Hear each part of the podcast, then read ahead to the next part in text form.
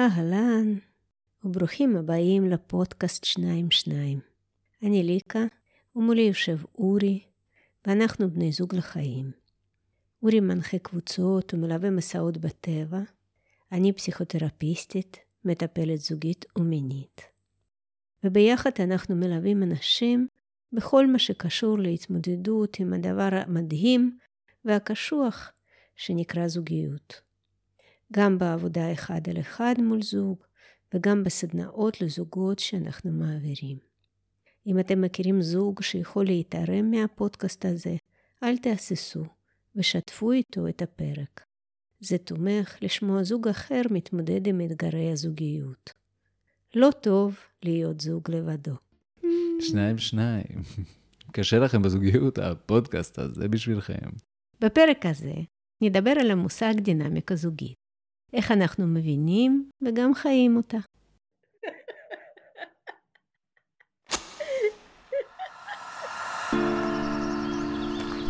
יפה בעיניי כשאת ככה חשופה.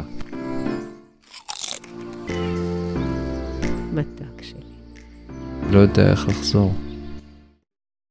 דינמיקה, אני בהנחיית קבוצות, הרבה הרבה הרבה אנשים אומרים לי דינמיקה קבוצתית. וכל אחד מתכוון למשהו אחר. בדרך כלל כשאנשים אומרים דינמיקה קבוצתית, או דינמיקה בכלל, הם מתכוונים פשוט לקשרים ולתקשורת בין אנשים בתוך קבוצה או בתוך זוג.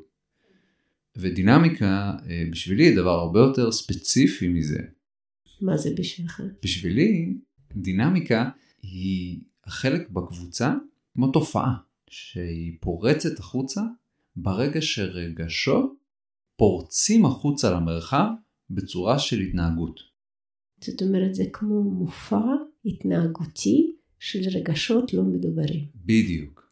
והדרך שלי לזהות את זה, כי רגשות הרי מתנהגים כל הזמן בקבוצה. אז מתי זה דינמיקה ומתי זה לא? למה, למה יש פריצה בעצם? למה יש כזאת תנועה חזקה לתוך המרחב? למה? כי זה רגע שבו יש רגשות כנראה עמוקים שהיו סגורים ועכשיו הם יוצאים. ועוד פעם הדרך לזהות לא אמרתי היא שהקבוצה באותו רגע מפסיקה לקיים את המטרה שלה. צריך רגע לשאול מהי מטרת הקבוצה, סביב מה הקבוצה הזאת התאספה, לדוגמה קבוצה של uh, כיתה, אז ברגע מסוים פתאום השיעור לא מצליח להתקיים. כאילו מטרת הקבוצה שהיא כרגע ללמוד מהמורה שעומדת מול הלוח לא מצליחה להתקיים, משהו אחר קורה פה, משהו לא מודע פורץ לתוך המרחב ומתחיל להתנהג. במושגים שאני מכירה זה מושגים של תהליך ותוכן. תוכן של הקבוצה זה נגיד התאספנו כאן בשביל לשחק כדורסל או התאספנו כאן בשביל ללמוד מתמטיקה. כן, או לעבור סדנת טנטרה. ו... לעבוד סדנת טנטרה. ו...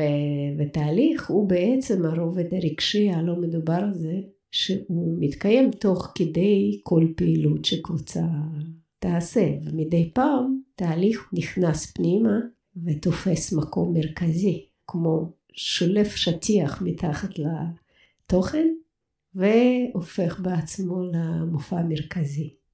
וזאת דינמיקה.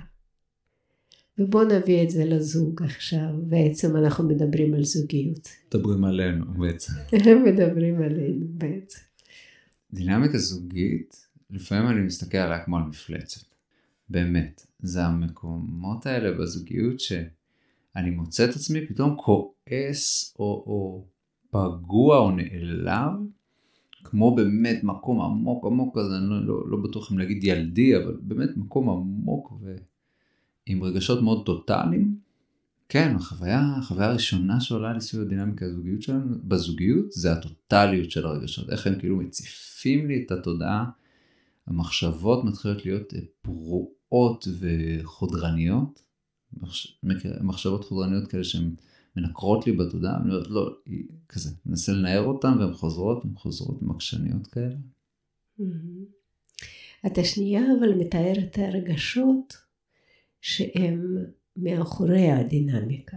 והדינמיקה למי שמתבונן מהצד הרי מופיעה שוב כמופע התנהגותי. אוקיי, okay, זה מעניין, כי תוך כדי שדיברת גם חשבתי על זה שאמרת וואו, יש גם מופע אה, חיצוני, כאילו התנהג, התנהגותי, ודיברנו גם על המופע המנטלי, ואני פתאום מסתכל על זה ואני אומר, רגע, זה מופיע גם בגוף הרגשי, גם בגוף המנטלי, גם בגוף הפיזי, כי בזמן הזה אני מרגיש מכווץ. יש רק דבר אחד אחר שאני מכיר שמתנהג ככה. חרדה, היא תופסת את כל הגופים. אוקיי, okay, זה מעניין. אתה בעצם טוען שבכל דינמיקה זוגית מעורב אלמנט של חרדה. כן. זה מעניין, יכול להיות שאתה צודק בעיניי. אני מניחה שאכן חרדה, אבל אולי בדרגות שונות, נכון? בטח. כי אתה מיד מתאר איזה מופע באמת גרנדיוזי של חרדה גדולה, ש... שעושה איתנו שמות. כשהדבר הזה משתלט עלינו, אז באמת זה מוציא מאיתנו דברים שלפעמים אחרי שזה קורה, אפשר להגיד אלוהים, מה זה התנהגתי ככה? כשזה גורם לי להתפרק מולך, כן, ברמה ממש כאילו מוציא ממני שוק, מתחילה לקלל כמו בשוק. ואני אני באמת, אני כמעט תוך כדי, או רגע אחרי, אני אומרת, אלוהים, זו לא אני, זה לא יכול להיות. והנה הדינמיקה מוציאה את זה. אני עדיין רוצה רגע לתאר את הדינמיקה כ- כשמונה, כן, כתנועה של שמונה בין שני אנשים. אז בואי נתאר באמת. זה מודל מאוד מאוד יפה ויזואלית, אני נורא אוהב את זה. זה באמת כזה אין סוף ש, שיושב, ואת תמיד אומרת, ואני נורא אוהב את זה, את אומרת על בסיס מה אנחנו נפגשים כבני זוג, בעצם עם כל הבני זוג ש, שעשינו איתם דרך לאורך החיים, זה כשהפצע שלנו מתיישב בדיוק מול הפצע שלהם, כמו בהתאמה. כשאנחנו מדברים על חיבור אה, אנרגטי, או רגשי, או רוחני, או איך, באיזה קטגוריה שתבחר להסתכל על זה, אז זה המקום שבו הפצע שלי פוגש את הפצע שלך הכי עמוק, וה, והמשיכה שם היא, היא בעצם נוצרת. אולי אני אוסיף על זה משהו. קודם כל זה נפלא שאתה מדבר על זה, כי באמת חשבתי לעצמי שאי אפשר לדבר על דינמיקה זוגית בלי להזכיר את דוקטור הנדריקס, שהוא בעצם יצר את שיטת אימאגו, הוא זה שמדבר את השיח הזה, בבחירת בן הזוג מתקיים פה איזה רובד לא מודע, שברובד הלא מודע אנחנו בצורה פרדוקסלית כמעט, אבל אנחנו יוצרים כמו בחירה מתוך הפצע. כאילו הילדה הפצועה שבי, היא שואפת לבחור בדיוק את האבא הפוצע שהיה לי. וואו, מה זה אומר עליי? כן, נכון, אתה תמיד נבהל כשאני אומרת את זה, ואומר, אוי, מה זה אומר עליך? אבל אני מניחה שזה אומר עליך ש... שגם הפצע שלי בחר בך. שלא רק החלקים המודעים למיניהם בחרו. לא, אבל אני אני יכול להתחבר לזה ממקום שאת אה, הבאת את הכאב שלה, שזה שלא בחרו בך, נכון? אמ, אני הייתי מגדירה את זה מול אבא ככאב שאומר שמאוד בחר בי, אפילו בתור ילדה הרגשתי מאוד ילדה אהובה על ידי אבא, ושהאהבה לא הספיקה לו בשביל להיות נוכח בחיים שלי, והוא נטש. ומה זה אומר עלייך? זה אומר עליי שלרוב אוהבים אותי מאוד, אבל לאו דווקא מסוגלים להתייצב לידי ולראות את הצרכים שלי. ושם בעצם הכאב. ומה שהנדריקס אומר, שכשאנחנו בוחרים ככה, זאת אומרת למה הילדה הפצועה שבי בכל זאת בחרה את החלקים בך שיכולים להתיישב עם האבא הלא מסוגל הזה, הלא מסוגל לתת נוכחות ולא מסוגל להיענות לצרכים. כי יש שם משאלה. משאלה של הילדה. הילדה לא משחררת את המשאלה שהפעם אני שוב אבחר באבא, שאולי יש לו, יש לו נתונים לאכזב אותי, אבל הפעם יקרה משהו, בדיוק זה יצליח וייווצר תיקון. שזאת בעצם המש... המשאלה העמוקה באמת. המשאלה העמוקה שיושבת בבסיס של דינמיקה. זה המשאלה לתיקון בעצם. כן, בדיוק. בבסיס של דינמיקה יושב גם הפצע שאומר אני פוחד שיקרה שוב מה שאני כבר יודע שיכול לקרות, כמו אבא שלא מסוגל להתחייב, והמשאלה שאומרת, הפעם ייווצר תיקון, והפעם אני אגרום לאבא הזה כן להתחייב, להיות מסוגל.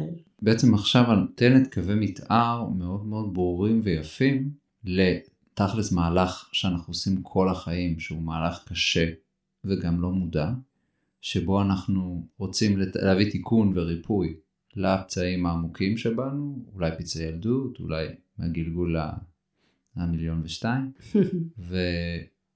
והדרך שלנו לעשות זה היא בעצם חייבת לעבור דרך להגיע מספיק קרוב לאותה סיטואציה. נכון. ואז לתת לה סיום אחר. נכון. ומה שטרגי במקום הזה שבדרך אנחנו משחזרים את, ה, את האדם, כי הנה בחרת אותי ולי, בלי ספק יש מתוך הטראומות שלי והקשיים שלי קושי להתמסר ולהתחייב ולבחור בצורה מלאה. וזה גם, יש לי ניתוקים כאלה רגשיים מדי פעם מתוך התגובות שלי, ו, והנה, יש לך גבר שהוא לא נוכח, והוא לא, הוא אוהב אותך, אבל זה, זה לא מספיק בשביל שאני אוכל להיות שם. כי הנה, אני לא בנוכחות, אני נעלם, אני מנותק עכשיו בתוך הראש שלי. יש משהו בבחירה שהוא כבר מסמן אותך כבן זוג טוב לפצע שלי, כי אולי יש לך משהו מהנטיות האלה. אבל בנוסף לכך אפשר להגיד שגם אם יש לך מעט מזה, מה שקורה בדינמיקה, שהילדה הפצועה שבתוכי תדע לשים זרקור גם על מעט ניתוקים אם יהיו מעט ניתוקים, על מעט חוסר מחויבות אם יופיע, ותמיד יופיע משהו מזה. ו, ומה שהילדה הפצועה בתוכי תעשה, היא בעצם תיצור עיוותים כמו תגביר את המשמעות של חוסר הנוכחות שלך בעיניי. אז רגע, אז אני רוצה לשים דגש על הנקודה הזאת, כי זה מחזיר אותנו למודל. למודל של השמונה, כי בכל אחד מהצדדים יש רגישות. וכרגע נגעת בנקודה של הרגישות שלך לכל נקודה שבה אני לא אהיה נוכח, ומשהו ש, שיהיה בו אפילו קצת מהגוון האנרגטי הזה, הפילטרים שלך מיד יתפסו אותו ויקלטו אותו ואולי... ויגבירו אותו גם. ויגבירו אותו.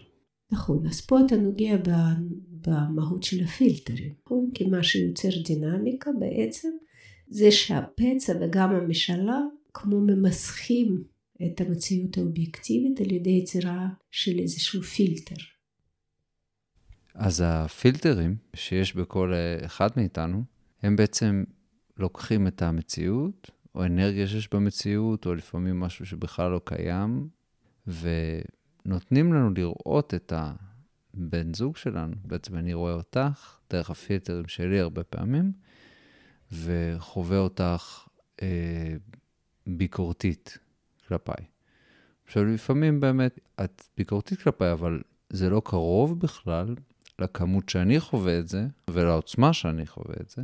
בגלל הפילטרים שלי. והפילטרים קיימים בשני הצדדים כמובן, והם תמיד חלק uh, מהותי בדינמיקה. נכון. אז בואו נתאר את הדינמיקה עד עכשיו.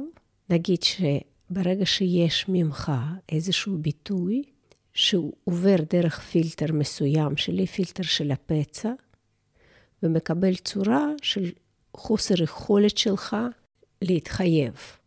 כשאני חווה אותך לפי הפילטר שלי לא מתחייב, זה מוציא ממני משהו שהוא התפתח מאז ילדות כסוג של פתרון הישרדותי למצבים שבהם ההורה לא מספיק נוכח לידי. ופתרון הישרדותי ספציפי שלי זה נגיד משהו כמו להגביר את הקול, להגביר את הנוכחות, כמו תינוק שמגביר את הבכי בשביל שהפעם יראו אותו, ישמעו אותו, יגיבו לצרכים שלו, אז אני יכולה להגיד משהו בקול גדול, בנוקשות, ב... אולי בתוכחה. אני כמו מנסה להעיר את ההורה היושן, והדבר שיצא ממני כתגובה, כהתנהגות, הוא בעצם יהיה דבר שיפגוש את הפילטרים שלך, שיקראו את זה כביקורתיות כלפיך, כאמירה שאתה נכשל, שאתה לא טוב מספיק אולי. בדיוק מה שהלחצתי על הכפתורים. אני מתכוון, המופע של הרגישות שלך, הוא תמיד יהיה משהו שילחץ על הרגישות שלי. נכון. כי הוא יעבור גם דרך הפילטרים שלך ויקבל תיקון גם, הוא יקבל דיוק בהתאם לפצע שלך. בדיוק. ואז מה יקרה לך כשאתה שומע את הביקורתיות שלי? אז אני, אז אני רק אתאר את השמונה, כי בדיוק אנחנו עושים את תנועת המעבר ממך אליי.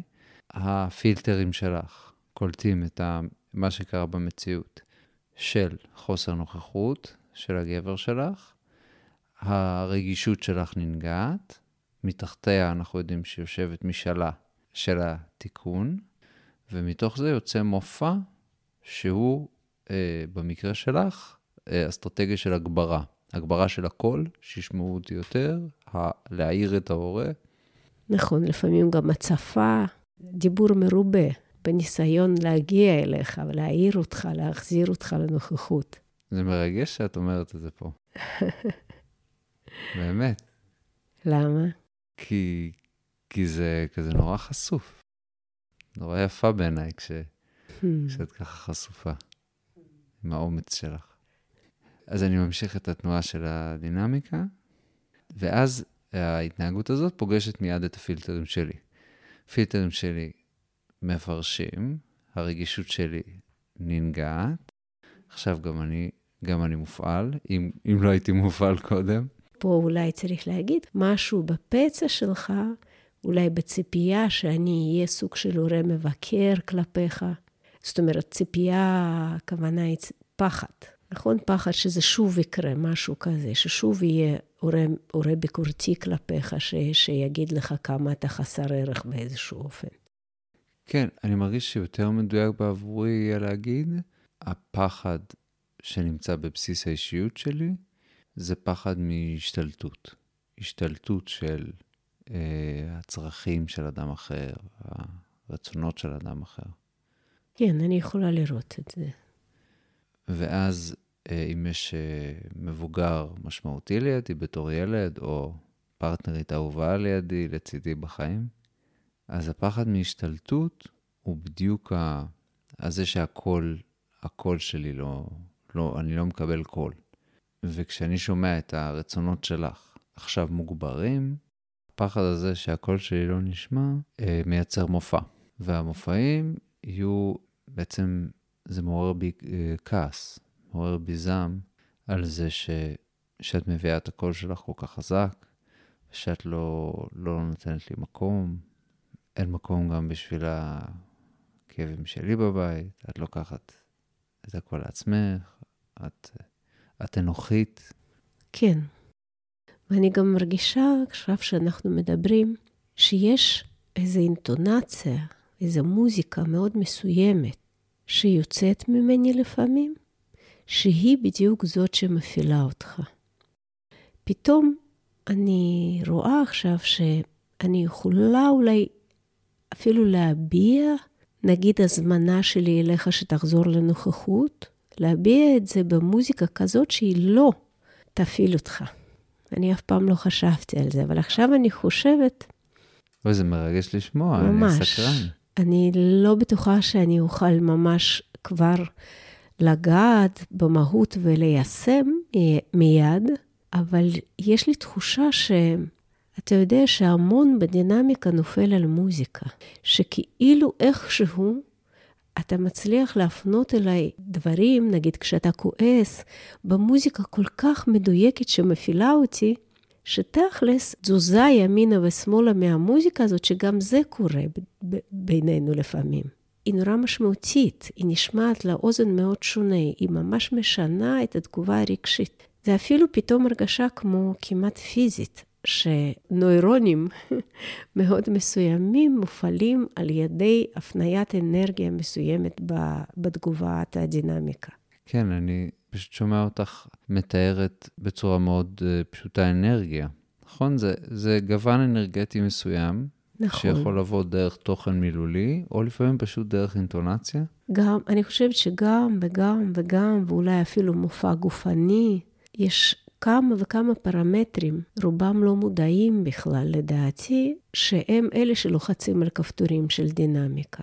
מה שדינמיקה הזאת עושה, אבל, שברגע שמופע שלך נגע בפילטר שלי, ובאמת קיבל את המפלצתיות שבו, שהיא כבר לא קשורה אליך, כל הדמות שלך בשבילי באותו רגע נצבעת באותו צבע. זאת אומרת, אתה באמת באמת נהיה, כמה שאני מתפדחת להודות, אבל אתה באמת נהיה בעיני הילדה שבתוכי, אתה נהיה האבא ההוא. הלא מתחייב. זאת אומרת, כל התגובתיות ש- שלי לזה היא ממש מאותו מקום. זה לא כמו, זה נהיה זה. בעצם זה נהיה, זה נהיה טוטאלי, זה צובע את הכל. נכון, ומזה התחלת. שאצלנו זה טוטאלי וצובע את הכל. שזה מאפיין מאוד uh, חמוד ומרגש של uh, איך, ש, איך ילדים מרגישים. נכון. זאת אומרת, העיניים שלי כבוגרת, בלי שאני שמה לב, מתחלפות לעיני, לעיניים של ילדה בת ארבע. וכל החוויה, גם חוויה גופנית, אנרגטית, רגשית, תודעתית, באמת נלקחת. אמנם אולי לשניות. אתה יודע, אני לא מזהה את עצמי נשארת הרבה זמן בתוך הטריפ הזה. אבל לשניות זה, זה נלקח לגמרי. ואז הילדה שאני נהיית עושה מה שבדיוק עשיתי כשהייתי ילדה במצבים האלה. מביעה את עצמה, צועקת, משתוללת, תופסת מלא מלא מקום, ובעצם מורדת נגד החוסר נוכחות של ההורה, על ידי זה שכאילו אומרת, אני אאלץ אותך לשים אליי לב. וואו. מה שכמובן מביא לאפקט הפוך מזה שתשים עליי לב. זה, זה מוביל בדרך כלל להתרחקות, כן. וזה הטרגדיה שבדבר. כן, ובצדק. מעניין אולי שתספר מה קורה בצד שלך כשאתה רואה אותי משתוללת, מביעה צרכים עד השמיים, מציפה בדיבור. וואו, זה, זה אפילו טיפה קשה, קשה לי להיזכר שזה קטע עם דינמיקה, כי באמת, מרוב שזה סבוך רגשית שם, כן. ולא לא חושב שזה משנה אפילו אם אנשים יש להם דינמיקה בווליום כמו שלנו, או בווליום יותר נמוך, או בווליום יותר גבוה. זה תמיד סבוך רגשית, שהוא סובך את הזיכרון שם, והרבה פעמים כשאנחנו מנסים לדבר על מה היה, נכון? נכון. אנחנו לא מצליחים לא לזכור ולא להסכים על, ה, על הפרטים. נכון. לשחזר מה היה ב, בתוך הדרמה, כשאנחנו שנינו מופעלים בדינמיקה, וכל השמונה הזה בינינו פשוט זוהר ובוער. את מתכוונת לשחזר אחרי. לשחזר את זה אחרי, מאוד מאוד קשה, ואני אפילו מזהה כמו סוג של התנגדות פנימית לזה שזה מאוד מעניין. ממש. בעיניי ההתנגדות הזאת מספרת על זה שיש איזו מחיצה שאנחנו מתחזקים, מחיצה פנימית שמבדילה בין מצב התודעתי הראשוני הזה של הילדה הפצועה, לבין מצב התודעתי הכאילו הרגיל, השפוי, הבוגר. כי ברגע שמשחזרים את הדינמיקה, ואני חושבת שאחד מהדברים המאוד טובים שהצלחנו לעשות כבר במהלך חודשים האחרונים, זה שאנחנו ממש משחזרים, יושבים ומכריחים את עצמנו לשחזר דינמיקה. עד שאנחנו ממש נזכרים מי אמר מה ומי הגיב איך. את יודעת, היום עשינו את זה מעולה. היום זה ממש האיר לי את העיניים. שפתאום ראיתי משהו שלחלוטין האמנתי לצד שלי בדינמיקה, לחלוטין האמנתי לזה שאת יצרת את הריב הזה מאפס. כן.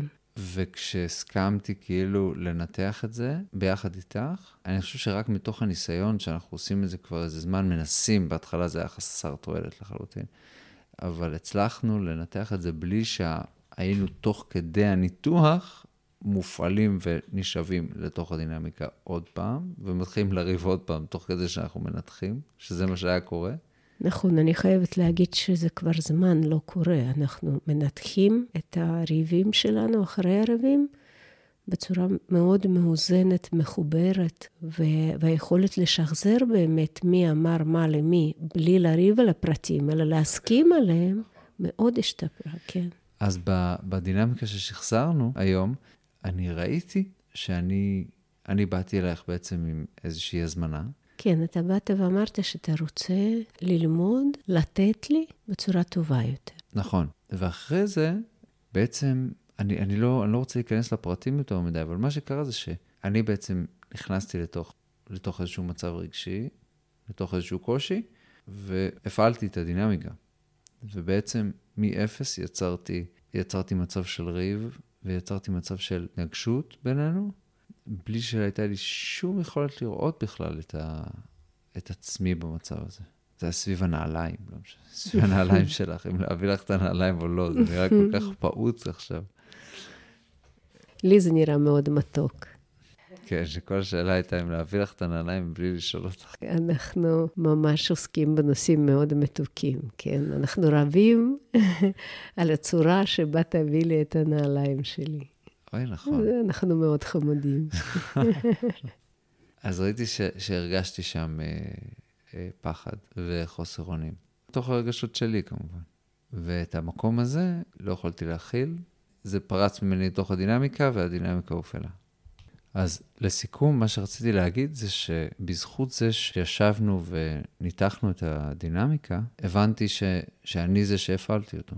כן, זאת אומרת, פתאום הפילטרים שהיו מופעלים בזמן הדינמיקה, פתאום הם יכולים להיות מונחים בצד, והאינפורמציה נכנסת אחרת, ויש לנו פרספקטיבה רחבה יותר.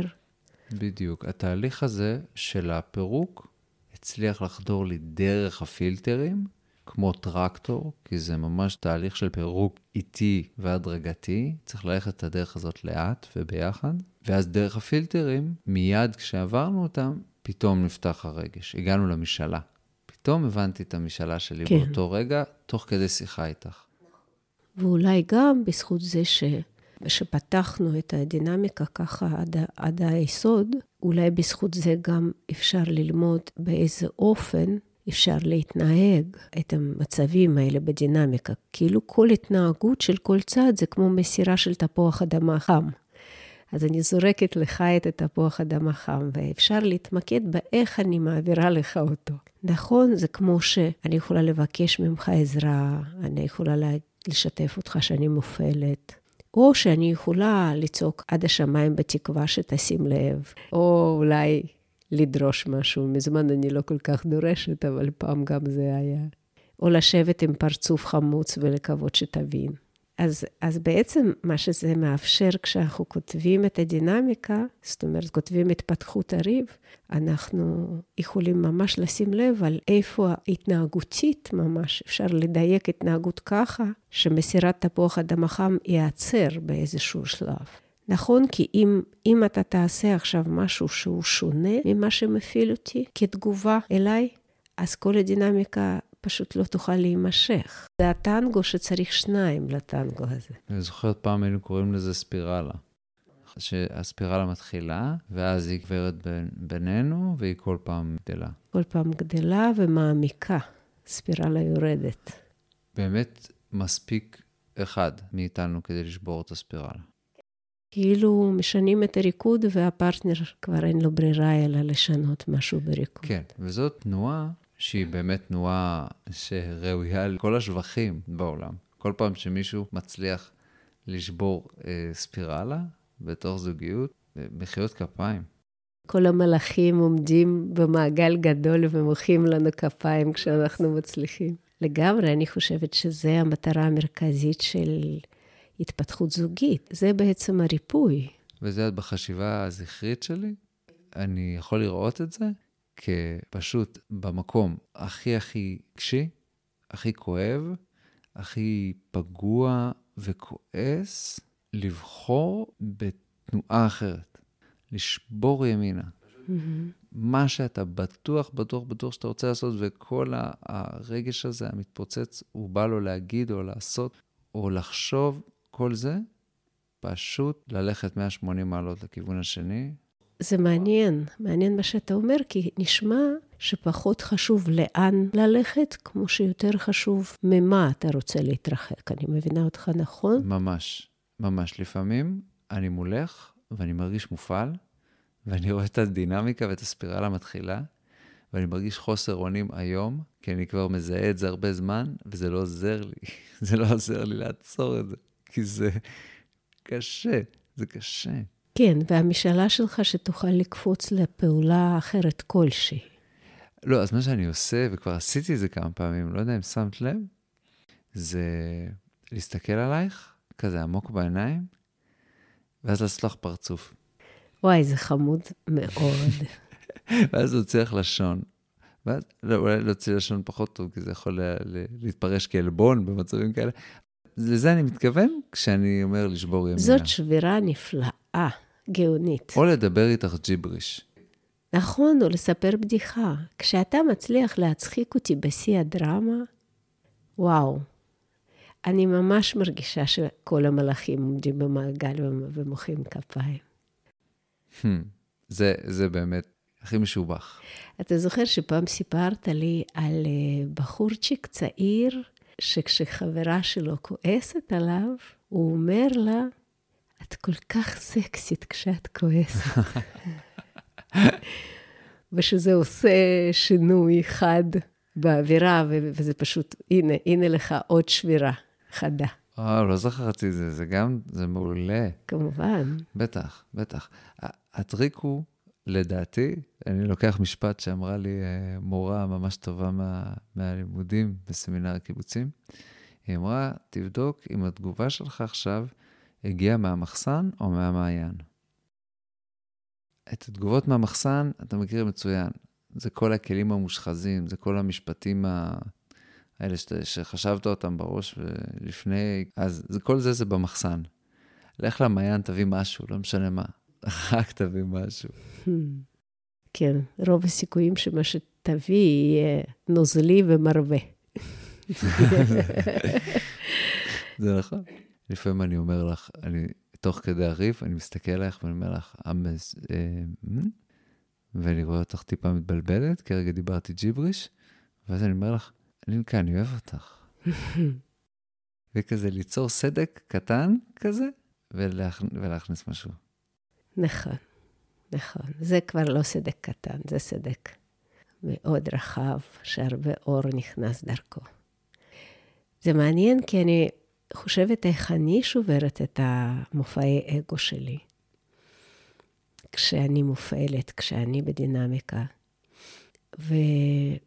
ולי מרגיש שפחות אני איכשהו שמה אנרגיה בלשבור את מה שקורה בי עכשיו ימינה או שמאלה, ואני יותר ממוקדת נקודת מאסף מאוד מסוימת בתודעה שלי, שלשם אני מעוניינת לעבור. תראה כמה מעניין, אתה כאילו רוצה להתרחק מ... ואני רוצה להתקרב אל. יש נקודה בתודעה שלי שכשאני מצליחה לנוע לשם, אני יוצאת ממופעלות. ו- וזאת נקודה שאין לי דרך לתאר אותה, אלא לקרוא לה שער חסד. זה כמו להתחבר למעיין האהבה אליך ובכלל. ואז יש שם הרבה משהו נוזלי ומרווה, וזה כבר מבטל את המחסן. איך הולכים למעיין האהבה? מתוך ריב אנחנו מדברים.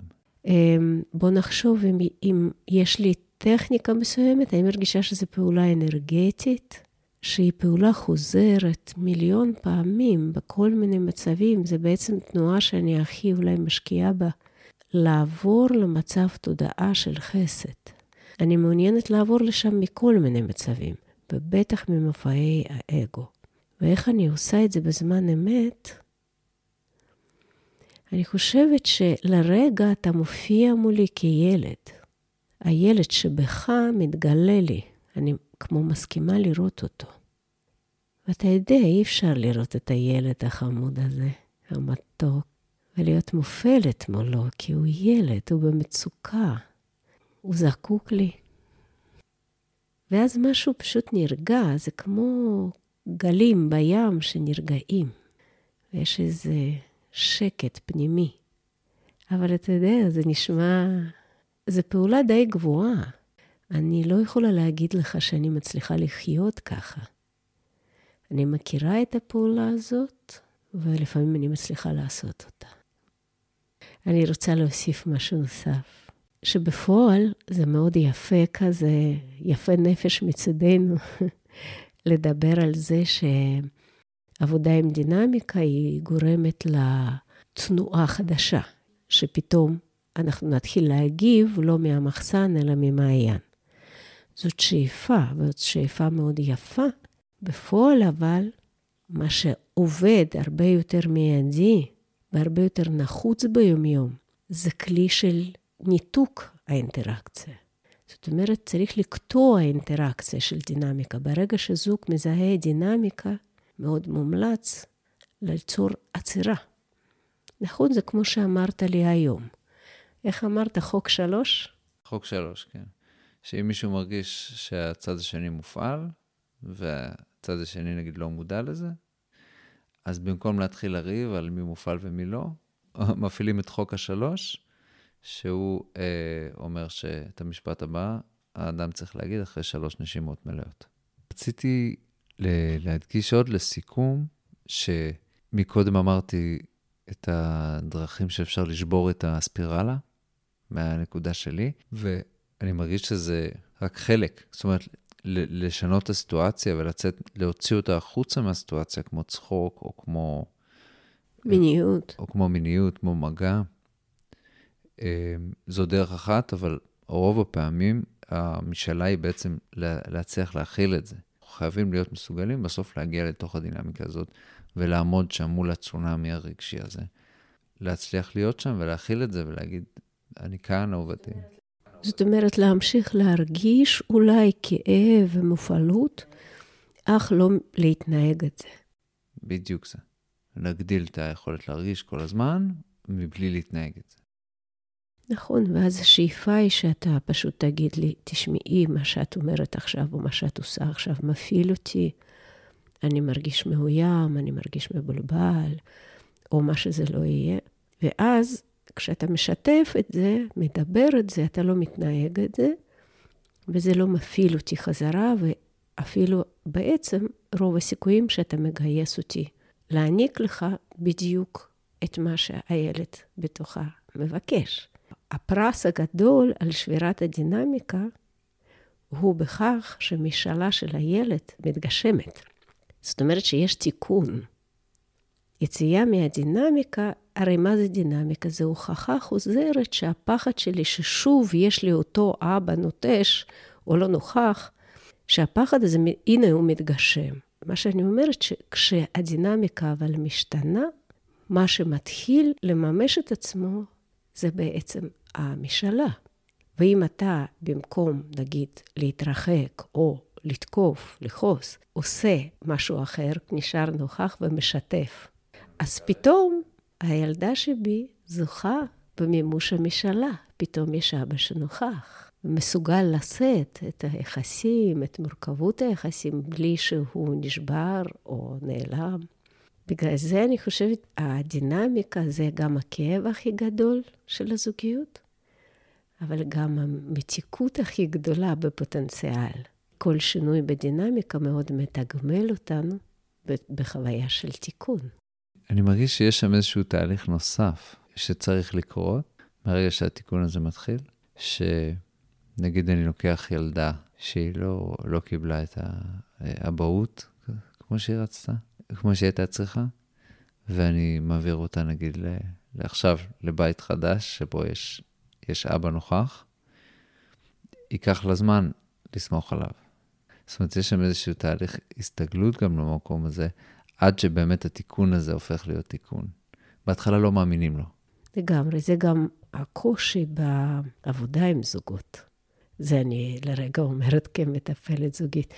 הקושי בעבודה עם זוגות זה שגם כשהתיקון הזה מתחיל לקרות, יש מרווח זמן שלוקח עד שהוא באמת נקלט על ידי הצד השני, ואז מאוד קל להישבר, כי אתה מאוד לא מתוגמל בהתחלה כשאתה משנה את הדינמיקה.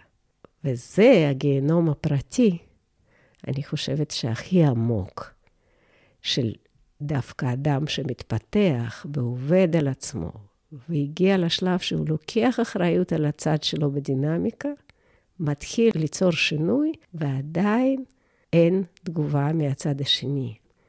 ולשאת את החושך הגדול הזה לפני הזריחה, מאוד מאוד קשה, והרבה פעמים נשברים שם. נכון. בגלל זה העבודה הזוגית היא ההתפתחות העמוקה ביותר שאפשר להשיג בה בחיים האלה. טוב, היה כיף לדבר על דינמיקה. היה כיף, היה מעניין. אני חושב שקפצנו בהרבה נושאים, עשינו סקירה נרחבת ומעניינת. נכון, אפילו נפלו כמה תובנות. תודה לך, אוריק. תודה לך, לילקה. איזה כיף, איזה טבעת יפה יש לך.